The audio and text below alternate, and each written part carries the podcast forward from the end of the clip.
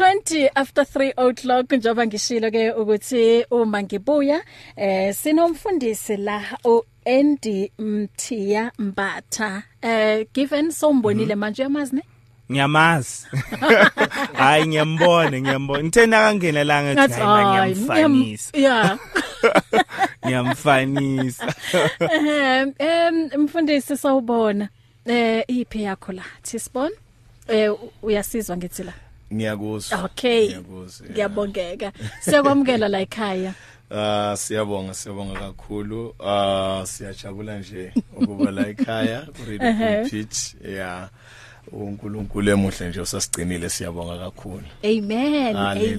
Amen. Uyaza ikho into ejabulisayo um eh, izwi liyasho ukuthi asingayeki umkhubo okuhlanganyela. So nathi sisebenzisa le platform engo radio pulpit ukuthi sihlanganyele and eh, uyazi eh, a- angazi isizathu sazi kangakanani kunale nkulumo ethi moye ngihoroga rejeka wena. Uyazi kusho ukuthini lokho? translations please angazi ukuthi ngizoyitranslate eh ngendlela ezozwakala yini angithi u- uyazi ngalezi ngalezi ayikhathi zabo mama bethu em uma isivakashi sifika kuzo kuzo kuzo eh kuzonqunywa im em i- i- inkukhu okay kuphekwe amadombolo ngoba ke kufike isivakashi so lenkulumo bengiyisho ngesothu isho njalo ukuthi em isivakashi ngoba sesifikile eh asiphekeni kamnandi Okay. kudliweni so wena nje ubufikile la kusho ukuthi mina ngithi wena ke ozosiphakela kusho ukuthi ke Oh. uzele okuhle okumnandi awufile what 18 ngesuthu moyeng goroga rejeka wena moye ngoroga rije ka wena yeah awuswani madoda washuthiya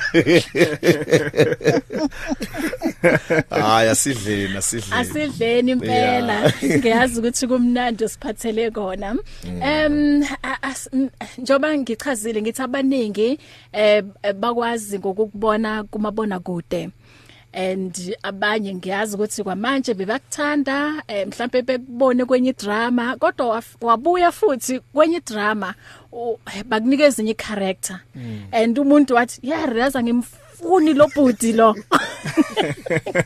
ngenxa yale character bayibonile yeah so namhlanje eh, s- sizoma si- sicela ukumazi uAndy Mthia Mbatha ukuthi ungubani so uzalelwe kuphi Okay, asiqale nje ngokuthi igama lami eh uAndile wakwambatha. okay Eh engicabanga ukuthi ngifuna abantu namhlanje bazi yena uAndile wakwambatha. ehe And then uh uAndy Mm. eh angazi ngizothi mhlawumbe isiteketiso Yeah. segama lika Andile. Aha. And then umthiya isithakazelo Oh. sikambatha. Okay. Mm-hmm. Yeah, akusi nickname. Uh mase ngithakazelela ke mina ngiyaye ngithi last man standing ishinga lamashinga uganda kando omnyama. wow zonke mangiyibiza zisound angazathi ngiyayithopa but zonke zibuya empilweni engiyiphilile yeah mangithi nje last man standing ngineminingi yaleyo nto mangithi shinga lamashinga ngineminingi yalo eh mangithi ugandaganda omnyama nakho ngineminingi and angiyithiyanga mina but nje eh amabili ngawathiya ubaba elinye ke ngalithiwa abafowethu sisakhula sisasebancane aha uAndile Mbatha uzalwa eh eMidlands eSoweto ezone 2 eclinic abathi i izone 2 clinic eMidlands ah ngakhulela khona ke eMidlands ngafunda eThembalethu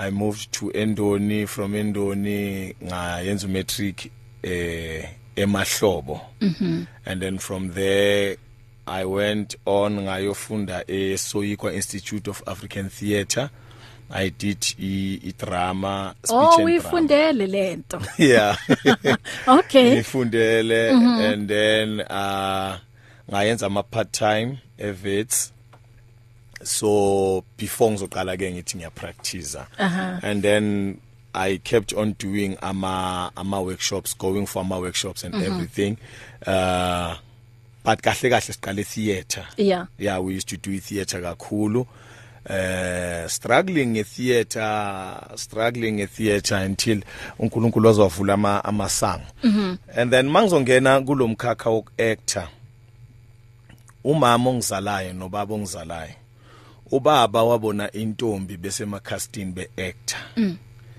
eh ubaba waye actor ku Themba my son umama ekwenye naye icast yabo Trevor bahlangana beyama main characters boyithubashelana baqomana wow okay base benza ingane yeah kwaphuma uAndile Mbatha yeah yeah and then uAndile Mbatha wahlangana nobusisiwe kwamanye amacast aha bashelana baqomana how lento babeshelana beqomana yeah eh baze bashada aha uma beshada bathola ingane igama lengane uzinhle aha an amazing singer wow and then naye ke she says ufuna ukungena kulomkhakha hayi acule iyakhona futhi naye uzohlangana nomunye given uyayibona lento second ngiyayibona kodwa enhle ngiyayibona uyayibona yinhle kanjani yeah yeah and then ubaba wami ke eh nga wa actor wakiyeka uk actor uma sengingenile ke sengisebenza sengikhona ama connections akhona amancane Mhm. ngase ngiyamdonsa futhi ubuyele manje uya actor futhi wow and then umama ongizalayo today she's my spiritual mother mm. yeah so ungizale ngokwenyama phinde Oh. wangizala Ngokomoya. nangokomoya Wow. Yeah. That's beautiful. So uqala kwa okay, esikhathini esiningi ama actors um ngiyazi ukuthi baya um, baya compareisha uma kuza ku, ku theater and then noku actor ku, ku television. So wena uprefera yipi kulezi zimbili? theater is always the best Yeah. yeah because that is where you get to express yourself mm-hmm. and uh, that's where uthi ma ungena ku theater uyodila necraft yakho because you Yeah. rehearse for more like 6 weeks or 8 weeks before mm. nithatha i- i-production niyisa ebantwini so theater is always the best because uh ku TV kunama shortcuts kunokuchita okuningi and everything mm, but mm, ku theater once that action Yeah. wabhedu bhedu se stage hayi hambile Oh. wafluff use use- use theater ihambile Mhm. but Mm. i theater challenges you because you are alive okay. asike isikhathi sokuthi cut so you must always be on your toes Yeah. you must live in the moment ama emotions occupy they must be real and Yeah. Mm-hmm. everything so kuningi ukuchita okukhona e TV but imali ikhona kakhulu e Mm. TV so now iba tricky fanele ube ne calling Okay. it's not a matter yokuthi you have good looks Yeah. therefore ungahamba uyo-actor you must have i-calling ngaphandle kwe-calling again fanele uhambe uyoyifundela i always tell people ukuthi ukuyoyifundela is very much important Mm. Yeah. because you might have italente but italente lilodwa ngelize Likuse likise ndawo. Mm-hmm. hlangana nabantu athi umuntu ngicela ukuthi ungifake Yeah. eh njenje nje 2 days back ngihlane nomunye umuntu athi hey mfethu ngicela ukuthi ungifake and ngithanda le character yakho yaku erased Yeah. ngathi ufuna ngikufake mngani wami athi Yeah. yeah ngathi it's good Yeah. lalela ke nginomngani wami eh osebenza lapha na Orlando Pirates Mm. so ngakuthatha ngise khona yo eh, uyo- uyo- uyo- uyodlala ibhola hey but that's professional ngithi mina what are you saying So kusho ukuthi kusho ukuthi lento engiyenzayo it's not professional yo uyangi understand i Yo. felt so Yeah. offended but Yo. ngahleka njengambheka no no no fanele esikolweni mawufuna uku-actor Yeah. Mm-hmm. because it's professional Yeah. kula uzokwazi ukufunda khona certain things because you can have eh? italente yeah. it's good but there are certain things there's a language ekumele you understand there are certain things ekumele bakufundise zona via eh, ama-cameras technical and everything Yeah. you know nama-techniques okuthi how do you get to understand your script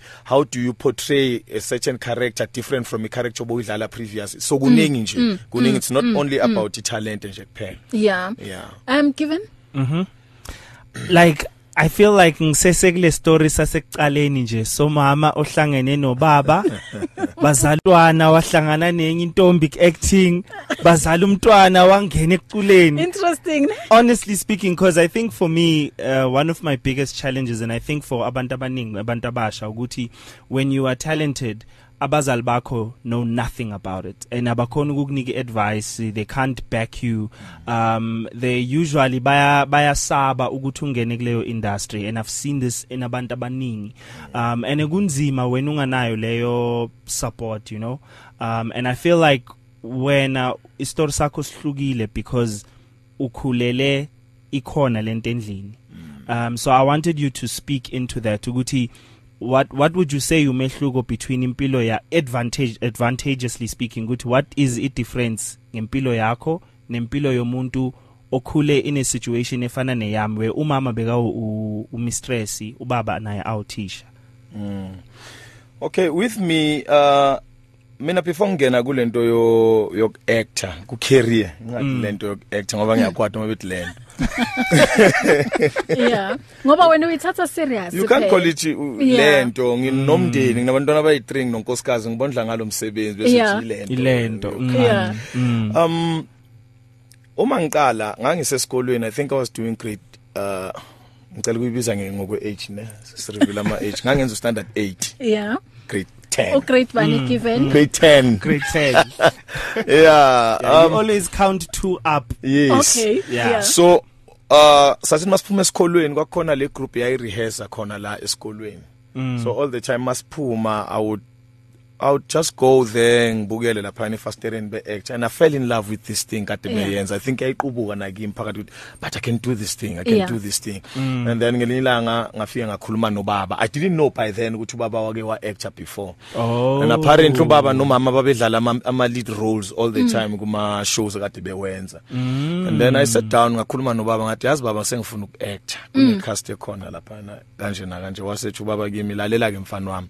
mina nje from the onset my father gave me support yeah because i remember amagama washo uh siqala nje ukukhuluma ngalento he said to me you must know from now on mawuthatha leyo direction uh it's not about friends mm, it's mm, about mm. you and you being serious if ufuna ukuthatha leyo direction then he started narrating me, to me iitori ke ezokuthi this is what he used to do he showed me iithombe zakhe mm. and everything mm. you know and then by then kade sebedivorcile ubaba nomama oh okay yeah uh so ku separation yabo ngahlala nobaba ngakhula nobaba but umama was forever there because umama uye futhi wabhadala eh, nama fees amo ke esikolweni and today i'm taking care of my mom mm, mm. uh so kwaba ukungena kwami ke kule kule field funny la la kade be, be actor kade ngasabe sesikolweni so ngangena khona 2 weeks later Mm, mm. ngavule yami cast esikolweni wow aw aw aw aw aw azange umose nesikhathi no two weeks later ngavule yami i didn't know how to direct people ngangaka direct ngangakafundisa ukuactor but nami already ngasengifundisa abantu ukuactor i remember kwakukhona part of i- i i cast yami kwakukhona sibusiso madondo uh he's big manje he's big ukade kusithembi kusithembiso playing u Abednico yeah yeah he was mm -hmm. playing Abednico mm. nje he's busy he's busy yeah Saqala- upet niko nje umphilo wabe kakhuluma ngevoice elihoshozayo ya untshebe nje Oh. ongazathi uyahlanya umnyama umubi no comment he's my best friend actually that's why that's why ngikwazi kusho ukuthi unje unje Oh, or unje, Oh, i-character beyimbi unje. sibusiso madondo mubi and abantu bayamthanda yeah ah yo yo yo bayamthanda. i'm handsome mina kunesibusiso cabanga Ah, ngiyanisaba nesi- but usibusiso Uyazibambela. lo ngakhona. Yes, yes. He's my best friend. I love that guy. Uh yeah, saqala sonke, actor sonke, actor sonke. I remember at some point he was considering ukuyekela indaba yeindustry cha imsebenzeni. But we had to sit down sayixoxa nje wabuyela and then today he's an amazing actor. Uh and then had to meet abobongani Madondo, bongani Madondo eh, naye he's done izinto eziningi but mina ekhaya they've always been supportive oh they've okay always been supportive uh though kunama challenges obhekana nawo Mm, mina i faced ama challenges efamily eh you you you, you know masoqala ukungazathi uvele TV yeah awukayenzi manje mm mm idrama yakho yokuqala yipi movela ku TV eh pff, emubango emubango Mobango mubango okay yeah. which year yo uthi ngiyakhumbula Uh-huh. it's been a while like maybe 15 years ago yeah mm. yeah it's been a while but bengibe ngise theater mm-hmm. and then oh nga, i went for my auditions soul city search for a star mm-hmm. and then i met ubaba Duma Ndlovu yeah Eh, uh and then ubaba Duma wa wangithanda wangifaka ku stage play after stage play wangifaka ku Mobango by then le character engiyidlala ebeyincane kakhulu mara every day uyavela e-TV so sometimes uvela e-TV ushigamela i-1 yebo ushigamela i-1 and then uyadlula and then sikhathi masilibele sihamba he called me again he said i want to train you as a director now Wow. wow and i was so excited but ke i- i- i- i- platform kade nginikeze yona yokuba yi-ad assistant director so Oh. yeah i was busy coordinating izinto ku-floor and everything mm. and then moved on ngathola i-soul city Uh-huh. na i-soul city he was the producer obabduma kuyo it was a bigger role ku-soul city and then we moved on ngayenza emtunzin com after mtunzin com i did ichis after for two years uh, went back to imubango irole mm -hmm. beseyinkulu ke lapho oh yeah hayi bese ngikhuluma every day chunks and chunks of lines i was still busy doing theatre Yeah. while doing imubango oh Mm, yeah and then in the process yemubango went to generations uh, after generations i went to isidingo iphathe encane nje akusidingo mm. Mm. yeah kune kunento that i've heard a lot about i Hollywood ukuthi ukungena khona um like and I'm I'm just using Hollywood as a reference uh leading to my question ukuthi Hollywood is is a place that's very difficult ukungena and a lot of people bathathi advantage because bayazi ukuthi wena ufuna lento ebayiphethe bona bama gate, gatekeeper so especially for a script writer for example um so I'm curious especially with the experience yakho in the industry like South Africa right mm. would you say ukuthi iSouth Africa nayo inawo lama gatekeeper who try to take advantage uh bazame u you know ukuthola mhlawumbe imali ye cold drink or bazame ukuthola you know intombi ngoba bahlule ukushela uyabona ukuthi haw yeah. na into ifunayo I think in every industry khona leyo nto. Mm, mm. Every industry. I, I'm thinking nje ukuthi mangake ngihlale nabo bonke abasebenzi bala ekhaya.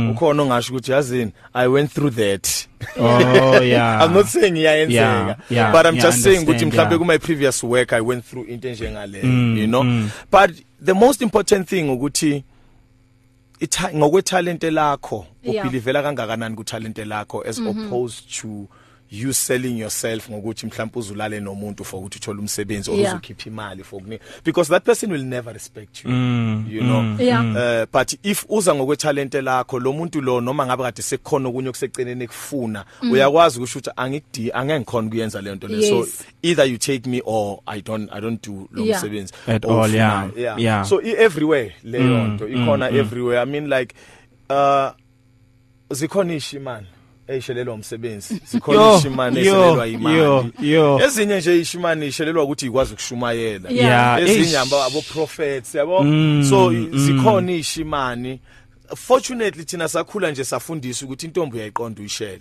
Mm, yeah whether yakwazi noma ayikwazi kodwa intombi yakwazi ukuthi uyiqonde Yeah. khulume nayo mayikhuluma isu- isuthu kwitizwi yekhona nizwane yabo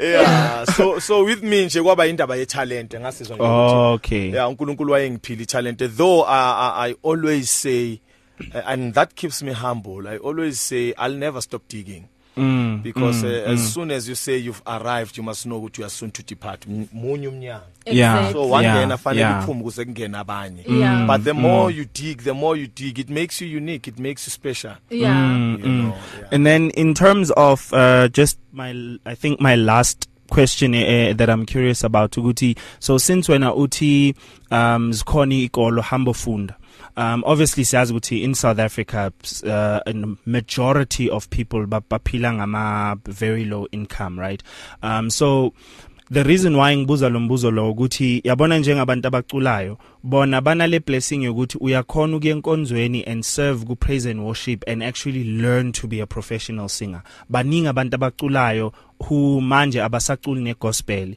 but i ukufunda ukucula bakufunda enkonzweni they committed themselves there uh and and and how, I remember recently ngibuza um, um, uh, uh, uh, person who actually lectures AUP u- u lecture ukucula ufundisa abantu ukucula ngimbuza ukuthi how much would he charge me to give me lessons wangicharge wathi it's boma 600 and 650 for 40 minutes and ay ay ay ay, ay so i want to know from you ukuthi um in your experience do you feel ukuthi isikolo because i know acting schools are no joke uh in terms of imali so do you think ukuthi that's the only way to get educated as as an actor um ukuthi vele kumele uhambe leyo direction or are there other alternative places la ungaya khona njengabaculi bona bayenkonzweni iqiniso ukuthi inhlanhla zabantu ayifani mm, mm yabo but um I, I i always encourage people to go bayofunda because esikolweni khona nje esikolweni uthi usase ku second year yakho already sebe introducer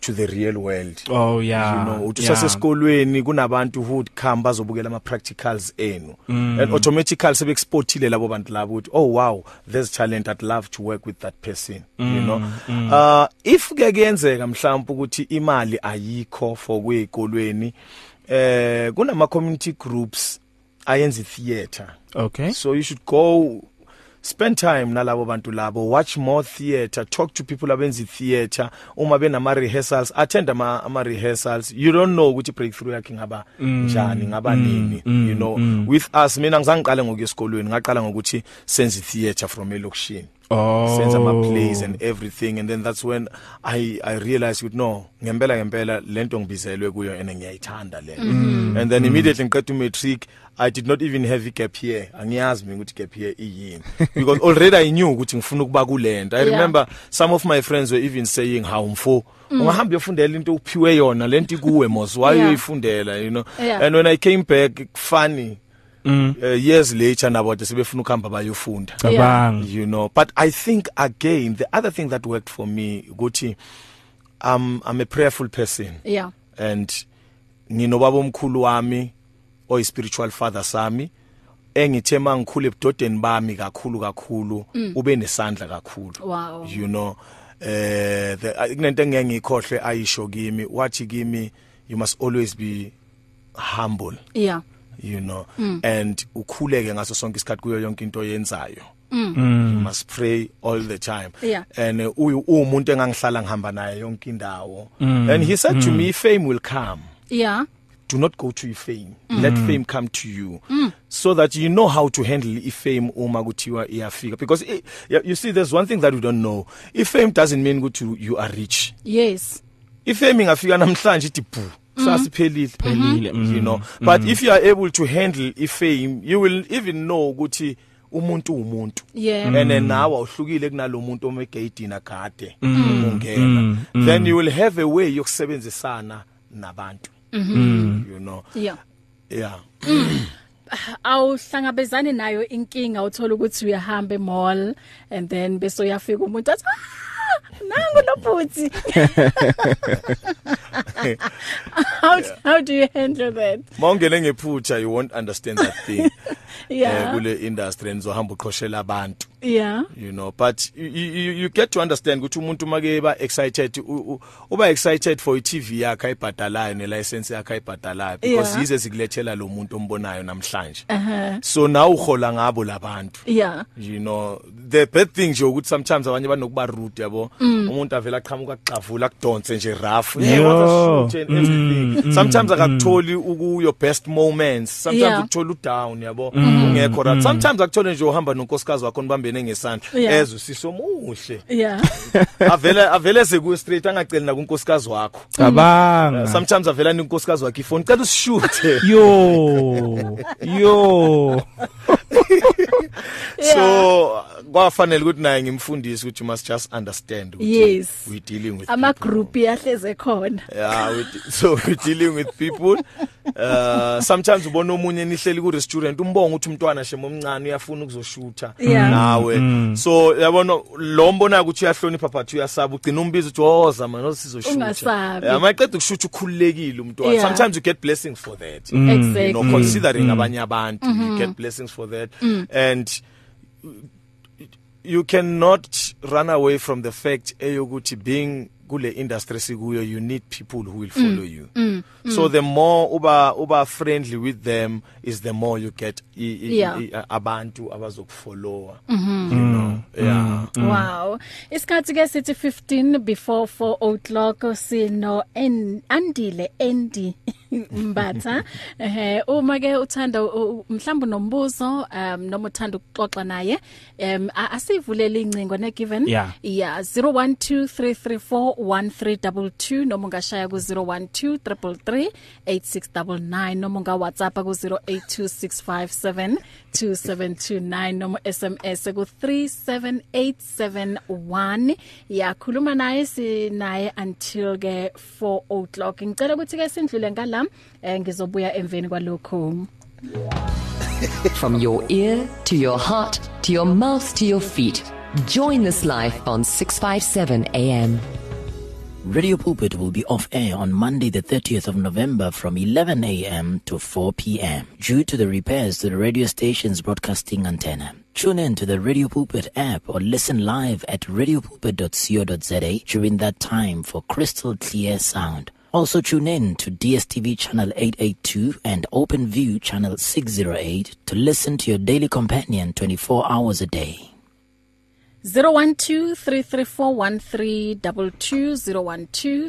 0123341322 zivuliwe ke incingo uma uthanda ukukhuluma no Andile Mbatha sawubona semoyeni angilindimele njani siyaphila njani baba ukhuluma nothulani kwala indurban eDurban ngisedurban ngimlalele mablapho Nge- indlela abahleka ngayo kusho ukuthi niyazana um uyazi ukuthi ngiwele lakhe nayikhona noma ngikhona spiritual yebo um thina sihlangene kamoya yebo asibonge nje unkulunkulu usibusisile ngale ndoda nangomsebenzi wayo engathi unkulunkulu angayikhulisa kakhulu amen iyazi-ke yona-ke sifake i-password amen Ehhe. thank you thank you yabonga mfowethu dokotela eh hey Thank you. yeah indoda powerful this is a very powerful man of god Yeah. a very very close friend of mine eh udokotela ugwala okay yeah last besinenkonzo nje besinayo la eJoburg waflya all the way from Durban ezosipha nje isemon wow yeah and then khona manje he's he's we busy we okay oh, okay Uh-huh. uyivalile tingim izolalela Aha. yeah khona manje we busy nje kakhulu ube nephupho lokuvula iZion TV oh yeah Wow. he's, he's very busy with it and ngisemva kwakhe nami ngiya Uyasupporta. ngiyasupporta. you know mawune mawune dream enkulu kakhulu Yeah. Mm. abanye abantu abayiboni bayibona ngazathi into nje eh, especially bangazathi yangokuya ngazathi ayisacaci kahle and then people start talking so Yeah. Yeah. he's been through a lot nje ngale phupho lakhe yeah Amen. Ah, ngiyabonga Mm. It's a khona big ngiyabonga dream. It's a dokotela big dream. Yeah. Yes. asithatha omunye futhi la elayinini sawubona semoyeni Yebo njani? siyaphila njani ma Ulindiwe Springs. Ngicela uandile. Bengicela ang- angisharele i- i favorite scripture yakhe and angitshele ukuthi wa. Thank you ngizolalela ku radio na. okay ma siyabonga Thank you. hayi se- seba- se- sebasifaka kule eh, yo- yokuthi why um, ithembe ngiintroduce ngathi umfundisi so um ungumfundi hey umulti talented yes yeah but leyo kufundisa as, as it's not about the talent um i think it's about a calling yeah Yeah, so before s- uh, u- usho your scripture u- ubalansa kanjani indaba yomsebenzi wakho ubaba wasekhaya unonkosikazi um yeah ngapha futhi ungumfundisi so ukubalansa kanjani lokho uh it's not easy mm. but what makes it uh ukuthi ibe much more easy ukuba nomndeni o o understandayo yeah Mm-hmm. and o very supportive mm -hmm. my my wife is an evangelist wow eh and then abantwana bami ngikhonza nabo bonke mhm Mm-hmm. so uma ngihamba ngithi ngenkonzweni angiphumi ngibashiye ngemuva Mm. ngiphuma ngihambe nabo so basase nami Yeah. but i spend more time nabo aha from es- emsebenzini anginaso isidingo sokuthi ngihambe ngiyobhloma somewhere from emsebenzini ngisuke ngikhumbula ingane zami ngihambe ngiyohlala nabo and uma kiwe ema emabandleni uma ngabe abantwana ngiyabashiya ngithatha unkosikazi ngihambe nonkosikazi Yeah. siye kho- so i- a- actually nje eyintweni eziningi engizenzayo the only time la kungazathi khona sibe together it's when ngihamba ngiyosebenza ngiyoshutha Okay. sometimes ke kuba nzima because ukuhambe for 2 months ungekho eduze kwabo Wow. eh uyoshutha la uyoshutha khona so it's a matter yokuthi fanele nje nihlale nikhuluma Yeah. over the phone Aha. nixoxa over the phone khona it's not easy Yeah. it's not easy but the family uNkulunkulu anginikeze yona i don't think ukuthi ngabe ngisa ngisase strong the way ngistrong ngakhona if bekungasiyo i- i i- i family le Mhm. Yeah. enginayo i have i have i family from from my father's side and from my mother's side Mm. singabantu abakholiwe even now ngihamba no no no no, this is my brother Yeah. engihamba naye la eh, who is my manager at the same time Mm. upastor bandile bandile eh, mathebula he's very supportive in everything that i do Mm-hmm. Yeah. actually akafuna ukubona anything that i do ifaila Yeah. ekhona so ukuba nefamily eduze kwakho Yeah. your blood family family that supports you mm. uh, it keeps you going Yeah. and uh, it, i make it a point ukuthi family yami does not suffer ukungabi khona kwami eduze kwayo Mm. Yeah. ngikhona Mhm. Your Yeah. favorite scripture? Eish. yabona ke Uh, this thing is a problem because you read so many scriptures and they bless you. The whole Bible, Mina, is is, is my favorite book. Yeah. Actually, mm-hmm. uh, but I live by incwadi ethi le le ncwadi yomthetho mayingasuki Yeah. Emlonyeni wakho. Yebo. Mm-hmm. ozinhla ngayo imini nobusuku. Yebo. I live by that scripture. Mm-hmm. Yeah, all the time izinto mazenzeka ngiyameditate ngayo lencwadi I I I pray ngikhulume noNkulunkulu ngayo lencwadi nje Yeah. incwadi ehleli kimi because i- ize ithi lapho amathwe enyawo lakho eyonamathela khona leyo ndawo ngiyokunikeza yona ingenge yakho so I feel ukuthi ngempela ngempela ngiyindlalifa yezulu and Yeah. uma uyindlalifa yezulu you must understand ukuthi izwe ngeke lik accept some of your family members they won't understand you mm-hmm. you know you, you, you know you, you- usually i say allow me to share this i usually say creatives mm. awahlukile nabafundisi Yeah. so i feel ukuthi uNkulunkulu wangibiza ngendlela eright ukuthi ngapha wangenza creative in terms of the career engikuyo ngapha wangithatha wangenza umfundisi angeke ube umfundisi ungekho creative Oh. you have a message ufuna ukuyidlulisa you must find a good approach mm-hmm. your your, your mm. message must have head body and tail so mm. that people can follow what you saying mm. you know sometimes uNkulunkulu kunikeza izinto ezideep mm. and uh, you must understand ukuthi labantu ozokhuluma lento ozoyikhuluma kubo it's deep mm. Yeah. so fanele uyilethe kubo creatively so so abantu aba creative we are more like sick doctors mm. how we are more like sick doctors because sometimes you say things and heal people mm. where else wena unenxeba inxeba elingavalekanga Yeah.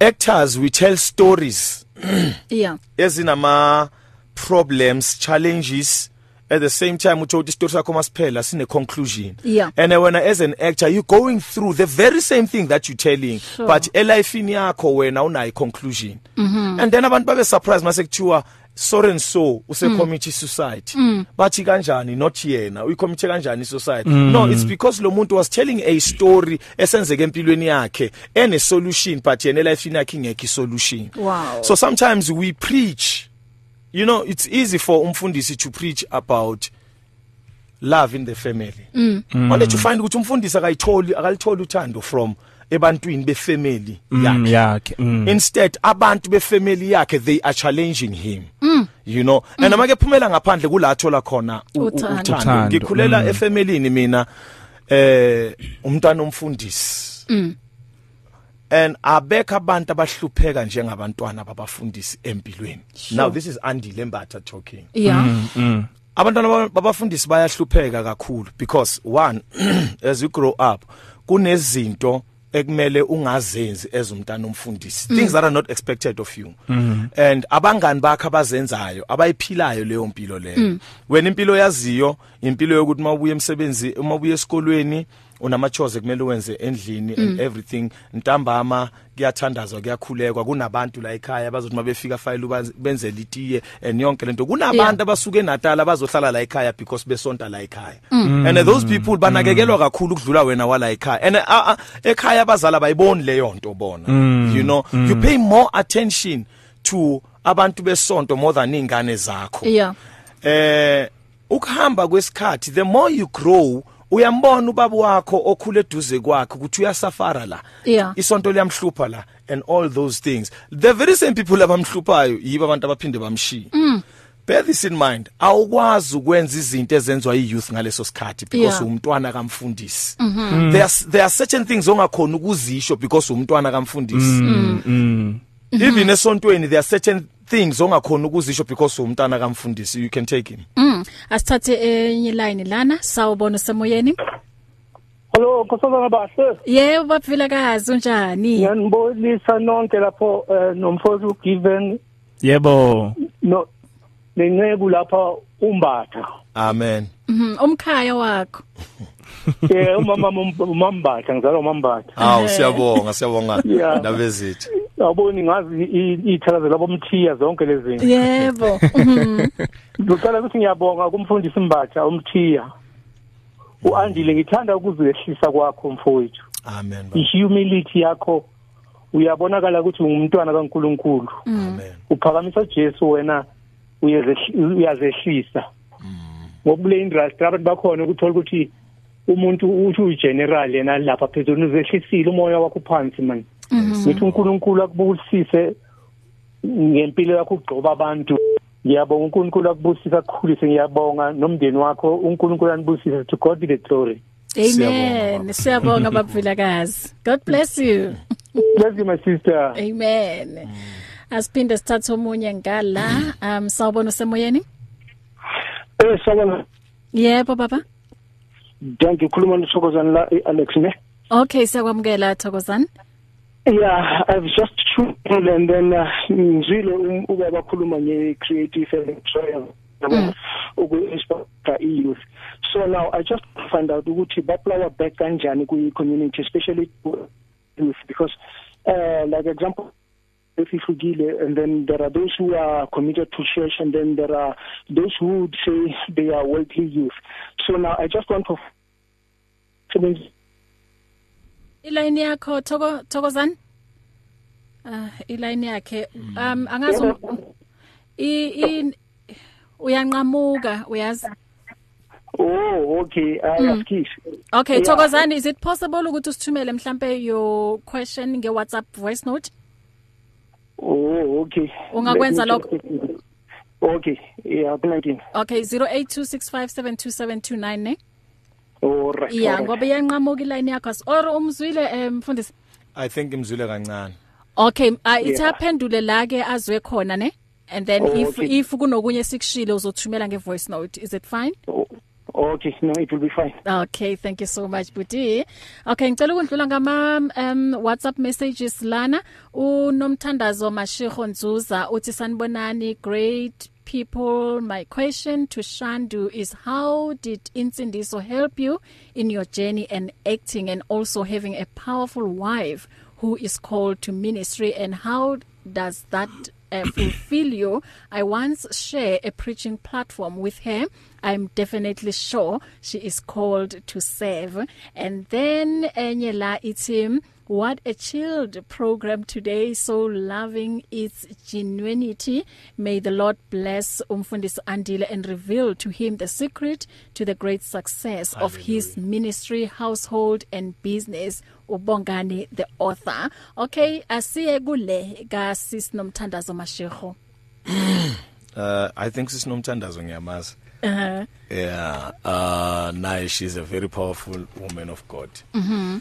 uh, thank you um, let me see yeah In- insindisi kus- ikusize kanjani in your journey of acting okay mm -hmm. one uh, i'd like to say isonto not insindiso yeah ingisizile to understand uNkulunkulu and to understand ukuthi uya kanjani kuNkulunkulu yeah and then umoya ongcwele took over from the church and then umoya ongcwele wasungifundisa about insindiso yeah so it is uNkulunkulu ongithathe from ekubeni nje umfana the, the, the story that i was sharing beng- kukhona la bengifu- bengizoze ngifike vele la ngale story bengisikhuluma sokuba umntwana eh kamfundisi but eh, ekuhambeni kwesikhathi uNkulunkulu make hamba nawe uyakufundisa through ama preachers Yes. amaningi ngokuhlukahlukana so Mm. ukuhamba kwakho kwesikhathi insindiso eh idila nelingaphakathi lomuntu because Aha. insindiso it's something that it's something yenziwa emntwini awuzenzeli wena insindiso but Mm. insindiso yenziwa umuntu kuwe ubani lo muntu owenza insindiso uNkulunkulu qobo lwakhe Yeah. noma uJesu noma umoya oyingcwele owenza insindiso And insindiso akusinto yokuthi namhlanje usindisiwe sekuphelile Yeah. but insindiso it's an ongoing thing Yes. yabo lithi iBhayibheli ngiyasindiswa ngiya eh, ngisindisiwe ngiyasindiswa ngiyakusindiswa so kunezinto osinda kuzo for instance kuyenzeka ukuthi ubukade umuntu wotshwala kakhulu ngenhlanhla enkulu angizange ngiphuze utshwala but kuyenzeka ukuthi ubu umuntu ophuza utshwala kakhulu and then uma uqala wazana noNkulunkulu kube uNkulunkulu ekuhambeni kwesikhathi okususayo kulezo zinto lezo Yeah. uyang understand I- ukusinda lokho eyintweni and then spiritually it goes deeper into yokusinda because sometimes kugcina sekuumoya okukhuzayo sometimes kugcina sekuumoya othi don't even think of that thing you know because umalawile ukuthi abuse kuwe ngaphakathi Yebo. and then akufundise futhi umoya ukuthi prayer is very much important mm. being in contact and uh, uh, uh, uh, yeah in contact with God all the time it's mm. very much important pray now and then akube i lifestyle yakho ukukhuleka and the more you pray now and then is the more uNkulunkulu is reveala kuwe it's Yeah. the more uNkulunkulu eguide endleleni so automatically kunezinto ogcina uyigwemile kukhona izinto okwa- ogcina ukwazi ukuzenza bongacabanga ukuthi ungakwazi ukuzenza because mm. there's a spirit esikuhambela ngaphambili before you Yeah. and then yeah in terms of unkosikazi uNkulunkulu wangisiza I'll be honest with you mina mina ngikhonze zayona Mm-hmm. unkosikazi ngamthola engakhonzi ngakhuleka isikhathi eside for ukuthi abe right wayefuna ukuzokhonza ezayona Mm. not because wayethanda izayona Mm-hmm. wayefuna nje ukuzoba sezayona so that azobe seduze kwama ngibona ukuthi ngenzani nobani and everything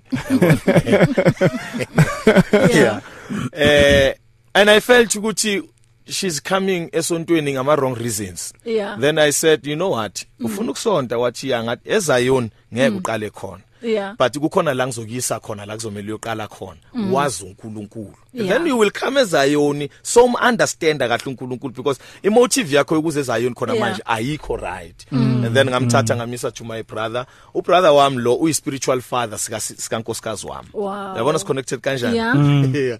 so many people don't know ukuthi sikho- sishara negama it's just like it's just that like nje lino B phakathi Yeah. Mm. phezulu yabo, ubandile mina Bandile, ngoandile yeah. and u innocent ngu innocent Wow.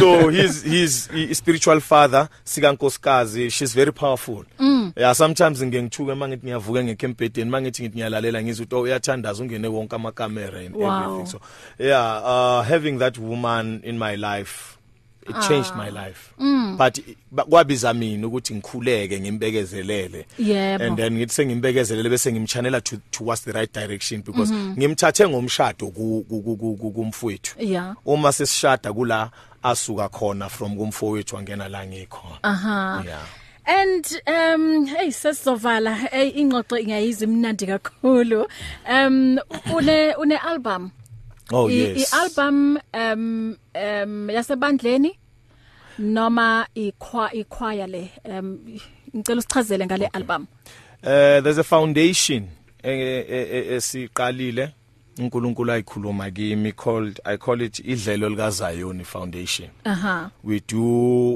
uh, ama projects are different about uh, uh, uh, uh, what is happening currently Mhm. mm-hmm. in South Africa uh, ama issues as affectayo yeah eh physically spiritually and otherwise so idlelo lika Zayoni selenze ama albums i3 uh the other one la lalikhuluma ngokuhlukunyezwa kwabantu besifazane wow eh different artists and then nini nini we decided ukuthi singasayenzi different artists thatha amasonto i6 swafake in one under one album mm -hmm. we did that and then le album le khona khona manje i think iphume uh 2 months back sesithengise almost like 3.8 yama CDs it's not easy lately ukuthengisa ama CDs sekungcono la kuma online but copy hard copy it's not easy yeah. yeah so lapho we have different choristers aduminje kakhulu ezayoni and asehambe ibanga elide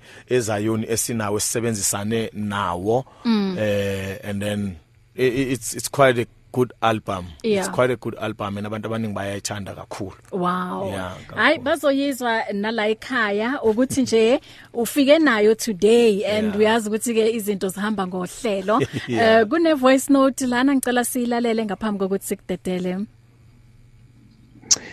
Sanbonani Pulpit family, Sisbahle. My question uh, was that uh, uh, how does the, the men plow back to the community? U- u- Ukhuthaza kanjani i- i- upcoming generation ngoba ngithi like iyouth ine challenge eningi yalahleka abasafuna ukuya ezinkonzweni and then uh, ba-experience into eziningi so i just want to find out from uh, the guest there ukuthi how are they doing and then ukugrooma i-youth thokozani in alexandra danki ngiyabonga Oh, uthokozana ubuyile ngevoice note. Okay. Um mhlambe in a minute ungamnikeza um impendulo kulokho. Okay, uh lama projects esiwenzayo through idlelo likazayoni we invite different choristers abasaqala ukucula and then uma befika we run workshops for them uh teach them about the industry uh and then I usually go to ezikolweni and motivate ezikolweni Oh. uh nasesontweni i motivate and then i youth eh, eh, eh, we sit down sixoxe nabo eh, tell them about the importance yesikolo Yeah. ukuthi kubaluleke kangakanani and then abanye ke abafuna ukwazi ukuthi where can they go for i- i- ilokhunja ikolo i Yeah. Mm-hmm. give them ama contacts are right yeah in terms of that Okay, konje kwamanje um ukweyiphi drama or i telenovela? Um mhlawumbe umunye uthi hayi man ngifuna ukumbona Yeah, uku-erase. amehlami Yeah. yeah uh, Uku-erase ne? today actually yi, yi last episode ye erased Oh. ku season 1 Okay. yeah eh So uzovela today. angiveli Ah. Oh. unfortunately angiveli today uh and then we are currently busy sishuta ifeature film engengiyisho igama because Yeah. abakavumeli ukuthi sisho igama Uh-huh. working with amazing people abo Amanda DuPont Wow. Thuli Thabethe Tumisho Masha Lindiwe Sobezo uh yeah amazing people amazing people yeah, i think Mm-hmm. omunye it- uyabu- uyabuza la ukuthi kumuvango bo bo actor esibani na ku generation. kumubango bengu u journalist usokhele Okay, Yeah. kumuva ku- ku generation. generations bengiyisangoma ngusokhele Oh nakhona god. Okay. yeah mina kune drama le bengi bengivamisa ukukubukela kuyona hey ngathi ay angimthandi lo bhuti yiple i think um there was this lady owamhlukanisa no husband wakhe Mm. and uh, angazi mfelokazi umfelokazi yes yes i was that part of, i one was part of the writing team kumfelokazi okay yeah okay and we won an award yamasafta ngayo yeah yeah eh, it was it was amazing doing umfelokazi and we we were hoping ukuthi maybe uh, Mnet izosinikeza i-season unfortunately thi- things didn't go Yeah. Mm-hmm. the way we, we had planned yeah Okay in 1 minute um mhlambe ku- kunabantu abasha bangathanda ukuthi nabo um iacting bayithathe as a career ungathini kubona ukuba advisor uh i'd say firstly abaqeda matric yeah uh, because iyinkinga i, i acting ungaba ku acting ungaqedi isikolo because utsho ukuthi seyakuchathikisa le nale nale so busy kakhulu end up uthanda i acting more than ukuthi u- ufunde Yeah. so ukufunda is very important after uqeda ukwenza umatric hamba uyo uyo uyofunda graduate you know it's not about your certificate but it's about what you get esikolweni you know so it's very much important manje abafethu bafuna ukwenza ama shortcuts Yeah. umuntu ukubona use TV yathi hawu nama connections mfethu Awumfake. ufake and ngizokufaka maybe namhlanje iqome kusasa kusenalutho and it's Yeah. be- it's difficult it's it's very difficult ukuthi uthi so so ke wasebenza bese ufuna ukuyekela umsebenzi yoqala phansi yo Yeah. Mm-hmm. actor it's it's better uma ukuthi mhlambe usa actor and then iplate lisalejwa abazali Mm-hmm. Yeah, etafuleni yeah. then ungakwazi ukuthi uphanda phande uphanda phande uzube ne uzube negama lakho ku industry Mm-hmm. kube easy ukuthi mabethi bayakufuna uthi mina this is how much i charge Yeah. a day either you take it or you don't otherwise uzoba isigqilo uzohamba nje wenza ama extras wenzani wenzani wenzani Eish. Mm. urojwa abantu ngeimali because you don't even understand lezi zinto lezo Yeah. and then ukuya esikolweni kuyakufundisa nokuthi before usign contract yiziphi izinto ekumele uzibheke Yeah. you know so it's not about your talent nje kuphela mawu- Yeah. Mm-hmm. mayo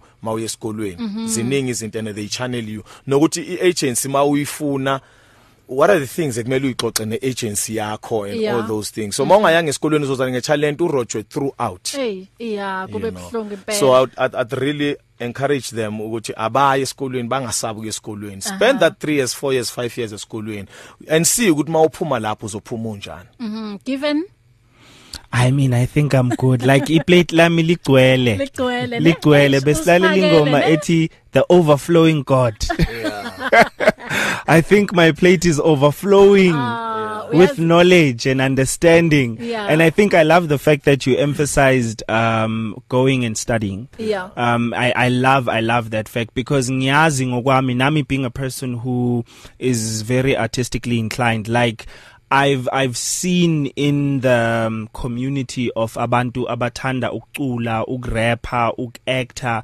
it's it's it's so tempting ukuthi hi man mina ngiyayazi lento. Um and and and especially because like for example now now ku rap rap is ego ego boost. Mm. You understand? So kulula ukuthi ufuna ukubabonisa ukuthi wena ubani Mm. you know what i mean yeah so it's it's it's and it, i think it's also why a lot of uh, musicians they they rise and then abafika le ubabona sebaphuma kuma newspaper ukuthi uRojoy this record label lo bamch- bamchithile here and i think it's because ufikele phezulu kunezinto angazilungisanga pants pants yeah kunezinto angazilungisanga pants mm. the other thing that is more important uh you, you, you- ungaya esikolweni but mawunganayo uNkulunkulu ngaphakathi it becomes it becomes something else because God always grounds you Eish, uNkulunkulu yes, reminds yes, you ukuthi you are a yes. human being and there are certain mistakes ozowenza you see this industry sikuyo i- i- i- iyinkinga kakhulu because Mm. there's whole lot of utshwala Yeah. ama drugs Yeah. you know ziningi lezinto ezi- ezikhona so uma isosi yakho kungasiye uNkulunkulu Mm. Mm. you'll end up uyithola so mess up yonke into Yeah. we've seen people mm. coming umuntu ubona ukuthi yo this person is so talented and utsho ukuthi ngoba njabe talented kaso u end up ehlangana ne company e wrong Yeah. you know ayithole mm. esethathe i direction eya kwenye Yeah. i- indlela Yeah. angasabuyi total lo muntu and you Yes. ask yourself sohlangana naye kusasa ukuthi what happened to this person Yeah. you know we know people abathi masebeshonelwa masebeshona uthe ukuthi sekumele sikoleke Mm-hmm. and this person has been there for a very long, long time, time, yeah. uyenzeni imali you understand Yeah. so ukuba noNkulunkulu uNkulunkulu channels you and he gives you the right direction Amen. Yeah. Um mfundisi before ngikudedela si si la ku Visionathon 2020 um ila ke si si s- um am- abalaleli baya pledge um ukuthi umsebenzi kaNkuluNkulu uqhubekele phambili so wena uma ke ungaba encourager ungathini ukubona ukwenzani ukupleasure yebo ukupleasure to i, i, i radio station aha uh i always say ngike ngayisho na na, na day before yesterday i said the problem ukuthi abantu bafuna ukupleasure or they want to give mm. because of a certain uh, uh, ntshumayelo yeah kanti lento fanele kube yilifestyle yethu fanele ibe segazini lakho and you Yeah. Mm-hmm. must feel good when you doing it kungabe ukuthi when you doing it you doing it because of so and so shumayelile or umthetho wesonto Mm. or yini because as you give you must receive sometimes you don't receive ngaleso sikhathi leso into oyibona uyibambe ngesandla Aha. but it takes a while so ukutshala komuntu kubalekile but bheka ukuthi umhlabathi otshala kuwo uvunde kangakanani i mean sonke siyabona i- i i- radio pulpit it's one of the best gospel uh, uh, uh, radio stations mm-hmm. so for for for i, i, i, i, i- i radio station ukuthi ikwazi ukureacha more people and uh, ibe sustainable it needs us Yes. you know so let's keep on giving let's keep on giving ngako konke singakwazi ukuthi siphe ngako ukuze kwazi ukuthi umsebenzi kaNkuluNkulu okwazi ukuqhubeka uye phambili Amen. Em unga WhatsApp ake igama elithi give ku 082 njengoba seka eh, ekhulumile umfundisi 0826572729 noma SMS uthumele eh, lelo gama give to 37871 sibonga kakhulu ukuthi sibe nawe kule ntambama em ku- kukhona la utholakala khona mhlawumbe ku social media or ne WhatsApp number kunomunye uthi ay mina u- uyabona nje ngifuna ukuthi angisize uma kuza ku acting or kwezinye iz- izinto Mm.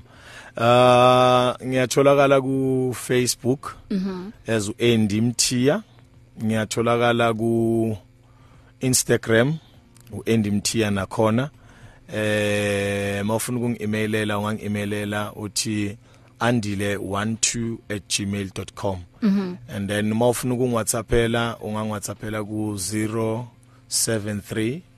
444 3198 ya angwathatha ama-calls ebusuku ngaphandle kokuthi abazalwane yebo aba abafuna aba aba ukukhuluma izinto WhatsApp ezi-important abafone ngeyikhathi ezisindisiwa ngithi ya hayi ngoba abantu bayahluka Se- se- sengigcina-ke sinencwadi eh sinencwadi e- e- ekhishiwe ebhalwe unkosikazi wemenenja yami u- u- u- igama lakhe upriscilla mathebula yeah eh iyatholakala mawungangithinta kuizi ukuthi uyithole kulama details engwakhiphile eh igama lencwadi u- Level Up, yes. yes igama lencwadi lithi level up we are made to walk talk see just like god Eh. exactly Wow. and then there's another there's an album apart from idlelo likazayoni Mm-hmm. eh igama layo i ireleasewe yipartakers love center Mm-hmm. yes iyatholakala nayo mawungangithinta at 100 rands per copy Mm. incwadi is 200 rands and then uh, i think by January nami ngizobe ngirelease incwadi engibhizi ngayo khona manje ngiyibhalayo eh titled uh, Thoughts of the Groom so izobe nayo i- i- i- ireleasewa next year aha yes newakho umnikelo siyawamukela mfundisi Hallelujah. amen kuzotholakala eh uma Priscilla Mathebula definitely uzobuya eh, sibe naye la emsakazweni bazalwana That's azo great. eh chazela kabanzi eh ngalencwadi ukuthi ke eh ingane so thank you so much may Mm. god bless you before ngi- si- ngiphuma kukhona enye ialbum uh this is how i give back to the community Yeah. igama layo yiimbewu seeds of hope okay yeah i, i producer omunye untombazane because i'm i'm so i'm so much in my spirit mm. says we need to to to to to work hand in hand with abantu besifazane Yeah. kulesikhathi not all men are trash mm -hmm. so kunosisi igama lakhe unompumelelo mm -hmm. eh, uphumla u- uye orana leyo leyo group leyo called mm. seeds of hope okay It's a beautiful beautiful album Abam- aba- abayidingayo bangangithinta and then ngizobaxhumanisa naye Seeds of Hope eyenziwa usisi umpumelelo and mina ngingathanda impela ukuthi lapha ezikolweni mm, bababiza abantu abafana nawe ukuthi ke nizokhuluma nezingane kakhulukazi kwamanje ngithi abantu kuyabhaliwa ama exam